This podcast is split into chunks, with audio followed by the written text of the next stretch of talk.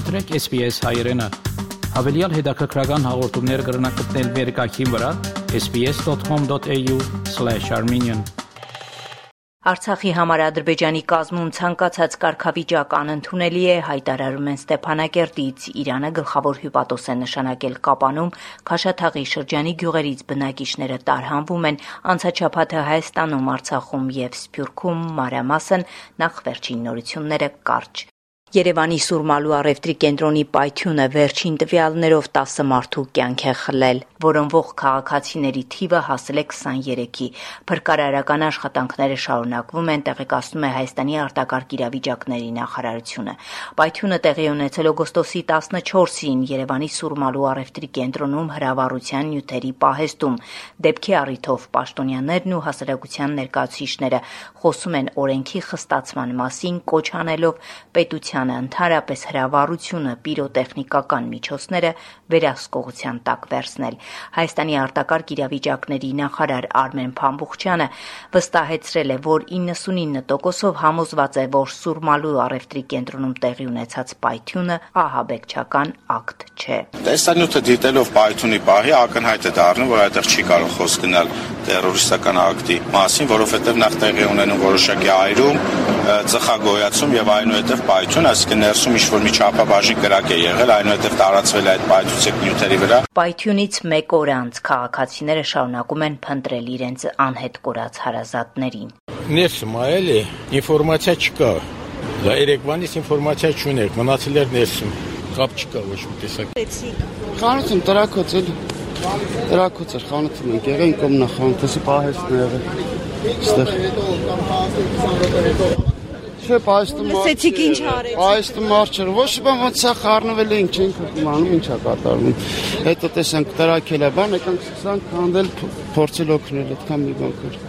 Այլ նորություններ. Իրանը գլխավոր հյուպատոս է նշանակել Կապանում Սյունիքի մարզի Կապան քաղաքում Իրանի գլխավոր հյուպատոս է նշանակվել Աբդին Վարամինը նշվում է որ Իրանի կառավարությունը որոշումը ընդունել էր դեռ 2021 թվականին Իրանը տարածաշրջանի աշխարհակաղակականությունում որևէ փոփոխություն չի ընդունի եւ պատրաստ է իր բոլոր հնարավորությունները ծառայեցնել Կովկասում խաղաղության եւ կայունության հաստատման այդ տարածաշրջանի զարգացման համար Հայաստանի վարչապետ Նիկոլ Փաշինյանի հետ հերախոսազրույցում այս մասին հայտարարել է Իրանի Իսլամական Հանրապետության նախագահ Սեյեդ Էբրահիմ Ռայիսին։ Հայաստանի եւ Թուրքիայի միջև հարաբերությունների կարգավորման շուրջ բանակցությունների նոր փուլը կարող է տեղի ունենալ սեպտեմբերին։ Հավանականություն կա, որ դրանք կանցկացվեն Թուրքիայում, այս մասին գրում է ռուսական ՏԱՍ լրատվականը։ Կողմերը վերահաստատել են իրենց համաձայնությունը շարունակելու գործընթացը առանց նախապայմանների։ Հայաստանն այդ բանակցություններում ներկայացնում է Հայաստանի ազգային ժողովի նախագահի տեղակալ Ռուբեն Ռուբինյանը, Թուրքիայի ներկայացուցիչը դիվանագետ Սերդար Քլչն է։ Իդեպ վերջինս ցավակցել է Ռուբին Փաշինյանին Երևանում առևտրի կենտրոնում տեղի ունեցած պայթյունի կապակցությամբ։ Հայաստանի շախմատի հավաքականը վաստակած 19 միավորով դարձել է Հնդկաստանում անցկացված համաշխարհային օլիմպիադայի փոխ-չեմպիոն։ Վարչապետ Նիկոլ Փաշինյանն ընդունել է շախմատի համաշխարհային 44-րդ օլիմպիադայում արծաթե մեդալներ նվաճած Հայաստանի տղամարդկանց հավաքականի ներկայացուցիչներին։ Նախ ուզում եմ շնորհավորել բոլորիս ձեր եւ Հայաստանի շախմատի հավաքականի հերթական մեծ հաջողության առիթով իհարկե Հայաստանի շախմատի հավաքականը մեր երկրի պատմության թերևս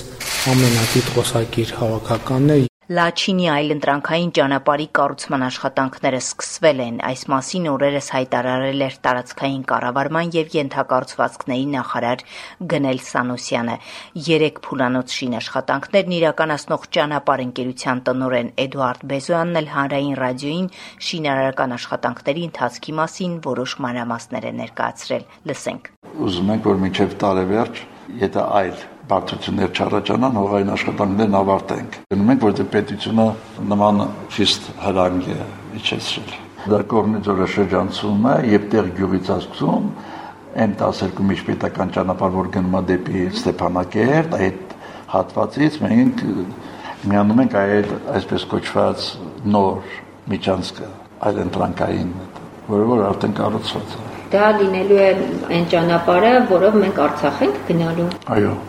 Անցած շաբաթ կրկին Արցախում իրենց բնակավայրերը լքելու առջև կանգնեցին բազմաթիվ քաղաքացիներ։ Քաշաթաղի շրջանի Բերձոր, Աղավնո, Սուս համայնքների բնակիչները մինչև օգոստոսի 25-ը կլքեն իրենց բնակավայրերը։ Ոմանք այստեղ հայտարարում են, որ պաշտպանելու են իրենց համայնքը եւ շարունակելու են ապրել այնտեղ։ Ոմանք էլ հավաքում են տան իրերը եւ տեղափոխվում Արցախի կամ Հայաստանի շրջաններ։ Արցախ. Բերձորից եւ Հարակից գյուղերից բնակչության տարհանումը շարունակվում է Աղավնու համայնքի ղեկավար Անդրանիկ Չավուշյանին լսենք։ Մարդկանց տարահանելով ամեն մեկ իր տան իրերը հրաթեր չեն շտաբում ինչ որ մի բան սпасելով, բայց թե հաշտվելով այդ մտքի հետ, բարձր գիտակցելով այդ ամեն վտանգը եւ այլն եւ այլն ինչ որ մեզ ասվելա պիտի անենք pedagogan կույքը հանելով եւ անձնական կույքը հանելով այդ պլանը կատարվում ընթացքի մեջ է։ մեջ Քաշաթաղի շրջանից տարհանվում են ոչ միայն բնակիչները, այլև Բերձոր, Աղավնո, Ներքին Սուս համայնքների տարածքներում եւ ճանապարհամերձ հատվածներում գտնվող մշակութային կոթողները։ Տարհանման աշխատանքները կավարտվեն մինչև օգոստոսի 25-ը, լսենք Արցախի կրթության եւ գիտության փոխնախարար Լեռնիկ Հովանիսյանին այստեղ արդեն այդպիսի հարց չպետք է ցակեր, որովհետև այստեղ թողնելով մենք այս հուշարձանները լուրջ վտանգի տակ ենք ուրեմն եւ ոչնչացման բացահայտ այս ամենը կոչնչացվի Արցախի նախագահն անդրադարձել է շփման գծում վերջին սրացումներին եւ այլ ընտրանքային ճանապարհի խնդրին։ Նա նշել է, որ խոսքը նոր միջանցքի մասին է, որի պահպանությունը համաձայն 2020 թվականի նոյեմբերի 9-ի Եռակողմ հայտարարության իրականացնելու են Արցախում տեղակայված ռուս խաղաղապահները։ Արցախի համար Ադրբեջանի կազմում ցանկացած կարգավիճակ անընդունելի է։ Այս մասին հայտարարել է Արցախի արտգործնախարար Դավիթ Բաբայանը, անդրադառնալով Ալիևի վերջին հայտարարությանը, որ Ադրբեջանի կազմում Ղարաբաղում ապրող հայերը չեն ունենա ոչ կարգավիճակ, ոչ անկախություն, ոչ էլ հատուկ արտոնություններ։ Իհարկե, Ադրբեջանի կազմում մենք չենք ունենալու ոչ մի բան։ Արցախը առհասարակ վերանալու է, եթե հանկարծ հայտնվեց Ադրբեջանի կազմում Սա շատ པարզ ճշմարտություն է, որը ապացուցվել է պատմության մեջ, ապացուցվել է նույնիսկ մեր սերնդի, այսպես համար պրակտիկորեն։ Հետևաբար բոլորս պետք է շատ լավ հասկանանք եւ երբեք հանկարծ չխափնվենք եւ չմտածենք, որ հակամարտության կարգավորումը հնարավոր է նման տարբերակով։ Ինչու է Բերձորը Ադրբեջանին հանձնվում հենց հիմա, ինչպես է տնօրինվելու այդ բնակավայրերի բնակիչների ճակատագիրը։ Այս հարցերին պատասխանում է Ղարաբաղի տարածքային կառավարման եւ ենթակառուցվածքների նախարար Հայկ Խանոմյանը։ Նորմալ է, որ հասարակությունում տարբեր կարծիքներ կան եւ նորմալ է, որ մարդիկ ցավով են տանում տարածքների բանը, ուղղակի պետք է հասկանանք, որ սա նույն տրամաբանության մեջ է, ինչ որ Խարվաճարի շրջանը, Շամյանի շրջանը, Աղդամը եւ այլն հանձնելու ուղղակի սրա ժամկետը 3 տարի էր, ոչ թե ընդհանրեն մինչեւ նոյեմբերի 25-ը կամ դեկտեմբերի 1-ը 20 թվականին։ Դա նույն տրամաբանության մեջ է։ Իսկ մնացածի պահով շատ նորմալ է, այդ անհանգստությունները ուղղակի պետք է կապիտալիզացնել, ստեղծել պահանջ իշխանությունների արչև նորմալ պաշտպանություն կազմակերպելու, որտեղ խնդիրների արչև մենք ելի ենք կանգնելու, եթե նորմալ պաշտպանական համակարգեր չստեղծենք։ Սփյուռք Վրաստանում հայերենը պահպանելու առաջին քայլն արվել է Հայաստանի եւ Վրաստանի կրթության նախարարությունների միջև ստորագրված հուշագրի համաձայն Վրաստանի հայկական դպրոցների հայոց լեզվի եւ գրականության հարյուրավոր ուսուցիչներ մասնակցել են ատեստավորման քննություններին։ Սա նշանակում է Վրաստանում դասավանդող հայ ուսուցիչները եւս կկարողանան տարակարգ ստանալ, այդպիսով պետական մագարտակով հայերենը հավասարեցնելով մյուս առարկաներին։ Վրաստանի հայկական դպրոցների հայոց լեզվի եւ գրականության ուսուցիչները գոհ են, որ այս տարի առաջին անգամ հնարավորություն ստացան մասնակցել կարգավիճակը բարձրացնելու քննություններին շատ կարևոր է, որովհետև այլևս ոչ մի աշակերտ չէր մտածում,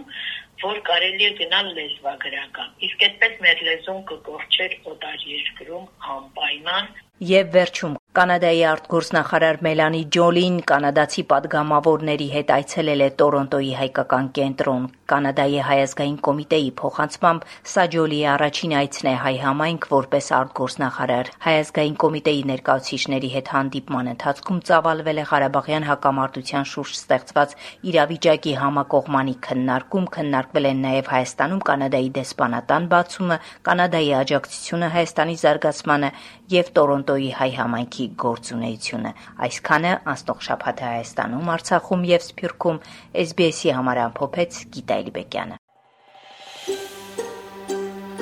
Կուզես լսել նման բանություններ, կընտրե Apple Podcast-ի, Google Podcast-ի, Spotify-ի վրա, կամ որտեղեն որ podcast-ը դուք լսես։